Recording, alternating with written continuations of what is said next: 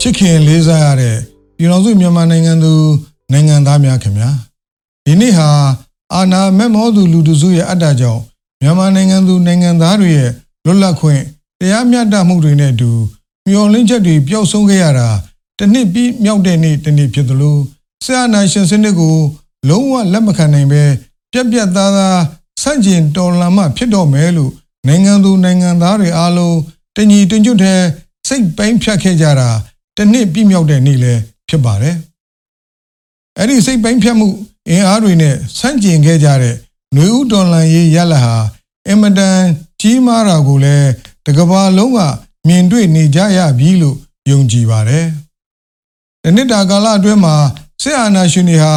သူတို့ရဲ့အုပ်ချုပ်ရေးရန်တရားကို လုံးဝတိဆောက်နိုင်ခြင်းမရှိသလိုနှစ်60ကျော်တိဆောက်ခဲ့တာကြောင့်ခိုင်မာလာပြီလို့အထင်ရောက်နေတဲ့ စစ်အာဏာရှင်စနစ်ဟာလည်းအင်အားချိနဲ့ဖျို့ဖျဲနဲ့ပြိုလဲကြဖို့နောက်ဆုံးအချိန်ကို ရောက်လာခဲ့ပါပြီချစ်ခင်လေးစားတဲ့ပြည်တော်စုမြန်မာနိုင်ငံသူနိုင်ငံသားများခင်ဗျာကျွန်တော်တို့ခေတ်သစ်မြန်မာနိုင်ငံတော်သမိုင်းကိုပြန်ကြည့်ရင်ဆရာနာရှင်အဆက်ဆက်ရဲ့လက်အောက်မှာပြည်တော်စုတိုင်းသားများအားလုံးဤမျိုးမျိုးပုံစံအသွယ်သွယ်နဲ့နှစ်ပေါင်း60ကျော်ခါစီခံခဲ့ကြရတာကိုကြည်ကွဲဖွယ်ရာ တွေ့မြင်ရပါလိမ့်မယ်ဆရာနာရှင်တွေဟာသွေးခွဲမှုပုံစံမျိုးမျိုးနဲ့ပြည်တော်စုတုံအားလုံးကိုခွဲခြားချေမှုန်းလိုက်သွေးခွဲဖိနှိပ်လိုက်လို့မို့ပြည်သူတရက်လုံးလဲနေလေအောင်မြင်းဆောင်မကြံနှိပ်စက်ခံခဲ့ကြရပါတယ်အဲ့ဒါလိုနဲ့ဆရာနာရှင်ဆက်ဆက်ဟာပြည်သူလူထုကိုဖိနှိပ်ရက်ဆက်ရင်ဆရာနာရှင်စနစ်ကိုအမြင့်မြဲမြန်အောင်ဝိရိယထုတ်ခဲ့ကြတယ်တစ်ဆက်တည်းဆိုလို့စစ်ကောင်းဆောင်တွေဟာလည်း ကြည်ကြည်တဲ့ချမ်းသာကြွယ်ဝနေကြတယ်ကျွန်တော်တို့နိုင်ငံနဲ့ပြည်သူလူထုမှာသာဆင်းရဲဒုက္ခတွင်နဲ့တစ်ထက်နဲ့ခဲ့တာဖြစ်ပါတယ်ဆရာနာရှင်စနစ်ရဲ့စိုးဝမှုကိုနားလည်သဘောပေါက်ကြတဲ့တောင်ပေါ်မြေပြန့်ပြည်နယ်ပြည်မြမြို့ပြကြီးလက်ပြည်တော်စုတိုင်းရင်းသားအသီးသီးဟာအခွင့်အခါသင့်တိုင်းဆရာနာရှင်ကို ပုံကန်ခဲ့ကြပါတယ်ဒါပေမဲ့လည်းဆရာနာရှင်စနစ်ဟာပြိုလဲလဲလို့ဖြစ်လိုက် ပြန်ကောင်းထုံထလိုက်လိုက်နဲ့တက်ဆိုးဖြေခဲ့ပါတယ်ချစ်ခင်လေးစားတဲ့ပြည်တော်စုမြန်မာနိုင်ငံသူနိုင်ငံသားများခင်ဗျာအဲ့လိုအနေထားကနေလွန်ခဲ့တဲ့တစ်နှစ်ဒီလိုချိန်2021ခုဖေဖော်ဝါရီလတရက်နေ့မှာမျောမြင်ဉဏ်မရှိ အသိဉာဏ်နှုတ်နဲ့သင်ဖြုံးလာတဲ့စစ်ကောင်းဆောင်မင်းအောင်လှိုင်ကဒီမိုကရေစီထူထောင်မှုအကျိုးစားရုန်းကန်နေတဲ့ပြည်သူအစိုးရလက်ထက်ကနေအာဏာကိုမတရားနည်းနဲ့သိမ်းပိုက်လိုက်ပါတယ် စစ်တပ်လိုကြရေးဆွဲထားတဲ့2008အခြေခံဥပဒေရလို့ကြေညာခဲ့တယ်နိုင်ငံတော်အတိုင်ပင်ခံဒေါ်အောင်ဆန်းစုကြည်နိုင်ငံတော်သမ္မတဦးဝင်းမြင့်ပါဝင် နိုင်ငံရေးခေါင်းဆောင်တွေကိုဖမ်းဆီးတယ်အစိုးရဖွဲ့ဝင်ဝင်ကြီးတွေရွေးကောက်ခံပြည်သူကိုယ်စားလှယ်အများပြားကိုဖမ်းဆီးတယ်ရွေးကောက်ပွဲဦးစီးကျင်းပပေးခဲ့တဲ့ရွေးကောက်ပွဲကော်မရှင်ဦးဆောင်သူတွေကိုဖမ်းဆီးတယ်အဲ့လိုပြည်သူလူထုကအာဏာအနှင်းထားတဲ့အရေးပါသူတွေကိုအရင်ဖမ်းပြီးမှအဆက်နှဲပါစွာနဲ့ ကိုကိုကိုအစိုးရလို့ကြေညာခဲ့တာဖြစ်တယ်ဒါပေမဲ့အခုလိုတနစ်တာကာလကြာလာတဲ့အထိပြည်တွင်းကရောကမ္ဘာနိုင်ငံအသီးသီးကပါမြည်သူတူးတယောက်ကမှအာနာသိန်းအကြမ်းဖက်စစ်ကောင်စီကိုအတိမတ်ပြုခဲ့ခြင်းမရှိပါဘူးချစ်ခင်လေးစားတဲ့ပြည်တော်စုမြန်မာနိုင်ငံသူနိုင်ငံသားများခင်ဗျာပြည်တွင်းကပြည်ပကပါအတိမတ်ပြုမခံရတဲ့အကြမ်းဖက်စစ်ကောင်စီဟာပြည်သူတွေကိုနီလန်းပေါင်းစုံနဲ့ ဖိနှိပ်ခဲ့တယ်ငင်းချမ်းစွာဆန္ဒပြနေတဲ့တောင်းသားလူငယ်အမျိုးကောင်းသားသမီးတွေကိုရိုက်နဲ့နှိပ်စက်တယ်ဖမ်းဆီးချုပ်နှောင်တယ်လူငယ်လေးတွေကိုသေးသေးချာချာခေါင်းကိုချိန်ပြီးတနက်နဲ့ပြစ်တတ်တယ်လမ်းပေါ်တွေ့သမျှဆိုင်တွေအိမ်ထဲကဥစ္စာပစ္စည်းတွေကိုလူရဲ့ယူငင်ကြတယ်အိမ်ထဲတွေထိဝင်ပြီးရင်ပုံမိုက်ကလေးငယ်ကအစတက်ကြီးဘိုးဘွားတွေအထိတနက်နဲ့ပြစ်တတ်ခဲ့ကြတယ်တကယ်တော့အာနာသိမှု ကြိုးစားတဲ့နေ့က2020ခုနှစ်လွတ်လပ်မြတ်တဲ့ရွေးကောက်ပွဲမှာအနိုင်ရတဲ့လွှတ်တော်ကိုယ်စားလှယ်တွေလွှတ်တော်ခေါ်တဲ့နေ့လွှတ်တော်တက်ရမယ့်နေ့ဖြစ်ပါတယ်။ပြည်သူလူထုကရွေးကောက်ပွဲကတဆင့်ယုံယုံကြည်ကြည်ကိုစားပြုလွှဲအပ်ပေးလိုက်တဲ့တိုင်းပြည်အာဏာကိုလက်နက်အားကိုပြီးဓမြတိုက်ခဲ့တဲ့နေ့တနေ့လည်းဖြစ်ပါတယ်။ဒါပေမဲ့အားလုံးသိကြတဲ့အတိုင်းလွှတ်တော်ကိုယ်စားလှယ်များကလွှတ်တော်အဆောက်အဦမှာ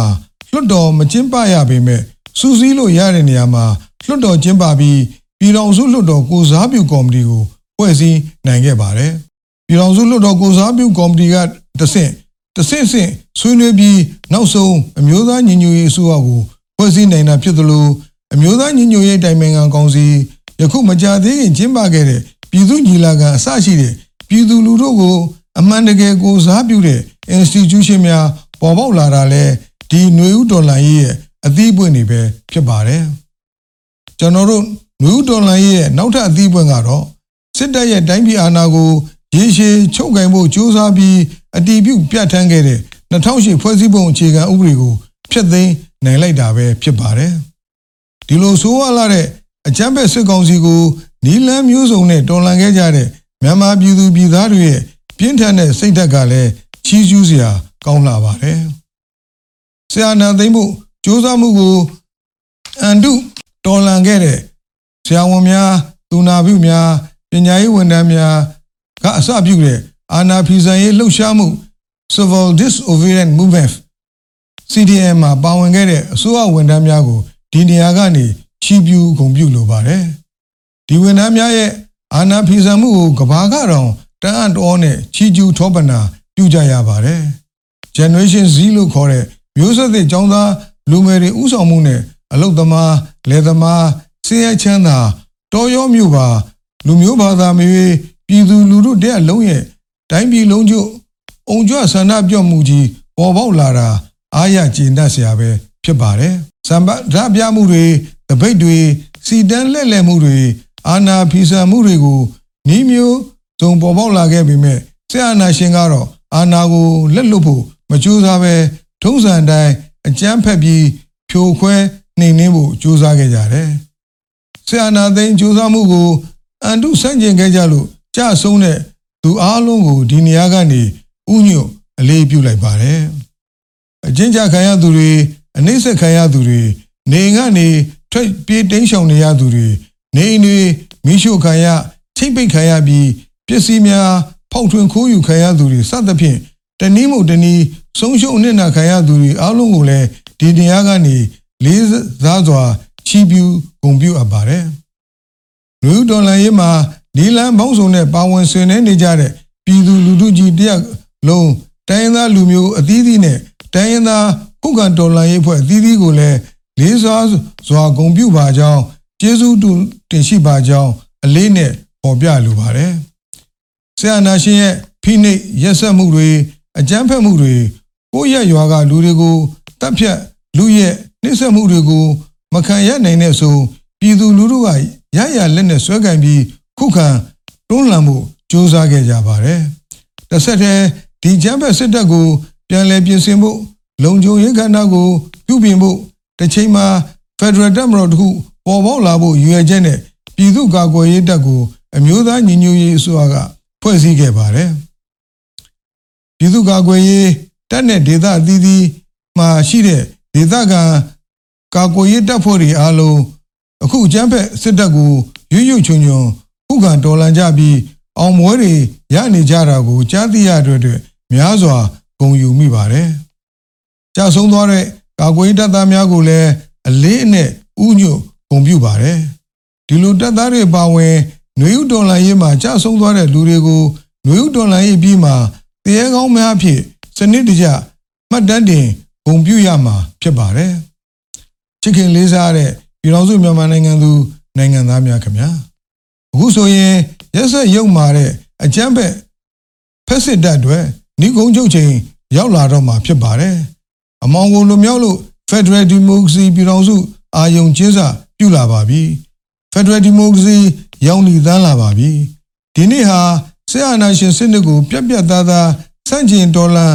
မှဖြစ်တော့မယ်လို့ကျွန်တော်တို့နိုင်ငံသားတွေအားလုံးတင်ညီကျွတ်တီစိတ်ပိုင်းဖြတ်ခဲ့တာတစ်နှစ်ပြည့်မြောက်တဲ့နေ့ဖြစ်ပါတယ်။ခုလိုတစ်နှစ်ကြာမြင့်လာတဲ့အခါကျွန်တော်တို့ပြည်တော်စုတိုင်းရင်းသားပြည်သူလူထုတရားလုံးဟာအောင်ပွဲဆင်နွှဲဖို့အသင့်ဖြစ်နေကြပါပြီ။လူလိမ်ဖက်စစ်အာဏာရှင်ကို ဖြုတ်ချကြပါတော့မယ်။ဖက်စစ်စစ်တပ်ကိုနိုင်ငံရေးနယ်ကအပြည့်တိုင်ဖယ်ရှားကြပါတော့မယ်။ဆရာနာရှင်စနစ်ကို လုံးဝမြေမြုပ်အမြင့်ပြတ်ကြပါတော့မယ်။ပြည်တော်စုတိုင်းသားများကြားစစ်မှန်တဲ့ဒန်းတူညီမျှမှုတရားမျှတမှုတို့ကိုထူထောင်ကြပါတော့မယ်။ Federal Democracy ပြည်တော်စုကိုအုံမြင့်ချပါတော့မယ်ချစ်ခင်လေးစားတဲ့ပြည်တော်စုမြန်မာနိုင်ငံသူနိုင်ငံသားများခင်ဗျာကျွန်တော်တို့ရဲ့ရည်မှန်းချက်ပန်းနိုင်ပြီးမြောက်အောင်မြင်သည့်အထိညီညီညွတ်ညွတ်လက်တွဲတိုက်ပွဲဝင်ကြဖို့တိုက်တွန်းလိုပါတယ်ကျွန်တော်တို့အမျိုးသားညီညွတ်ရေးအစိုးရကလည်းပန်းနိုင်ရောက်သည့်အထိ ကိုကျိုးမဖက်ပဲဆက်လက်ကြိုးပမ်းဆောင်ရွက်သွားမယ်လို့ဂရိပြုအပ်ပါတယ်နိုင်ငံသားအလုံးဟာမတူညီတဲ့သဘောထားအမြင်တွေရှိခွင့်လွတ်လပ်စွာ ထုတ်ဖော်ပြောဆိုခွင့်အသားအရောင်လူမျိုးကိုယ်ွယ်ယုံကြည်အားနဲ့ယဉ်ကျေးမှုတို့ပေါ်ခွဲခြားဆက်ဆံမှုမရှိဘဲလွတ်လပ်စွာတန်းတူရှင်တွဲနေနိုင်ခွင့်လူသားတယောက်ရဲ့ဂုဏ်သိက္ခာနဲ့ညီယက်တီရှင်သန်ခွင့်ကိုယ့်ဘဝအတွက်ကိုယ့်လူမှုဝန်ကျင်အတွက်ကိုယ့်နိုင်ငံအတွက် ကိုယ်တိုင်ဥဆောင်နိုင်ခွင့်သို့မဟုတ်ဥဆောင်သူကိုကိုယ်တိုင်ပြဋ္ဌာန်းဆုံးဖြတ်ရွေးချယ်ပိုင်ခွင့်ရှိတဲ့ကျွန်တော်တို့မြန်မာနဲ့ Federal Democracy ပြည်ထောင်စုကိုအတူတည်ဆောက်ကြပါလို့လို့တိုက်တွန်းရင်းနှိကုံးချုပ်ပါတယ်အရေးတော်ကိုအောင်နေပြီ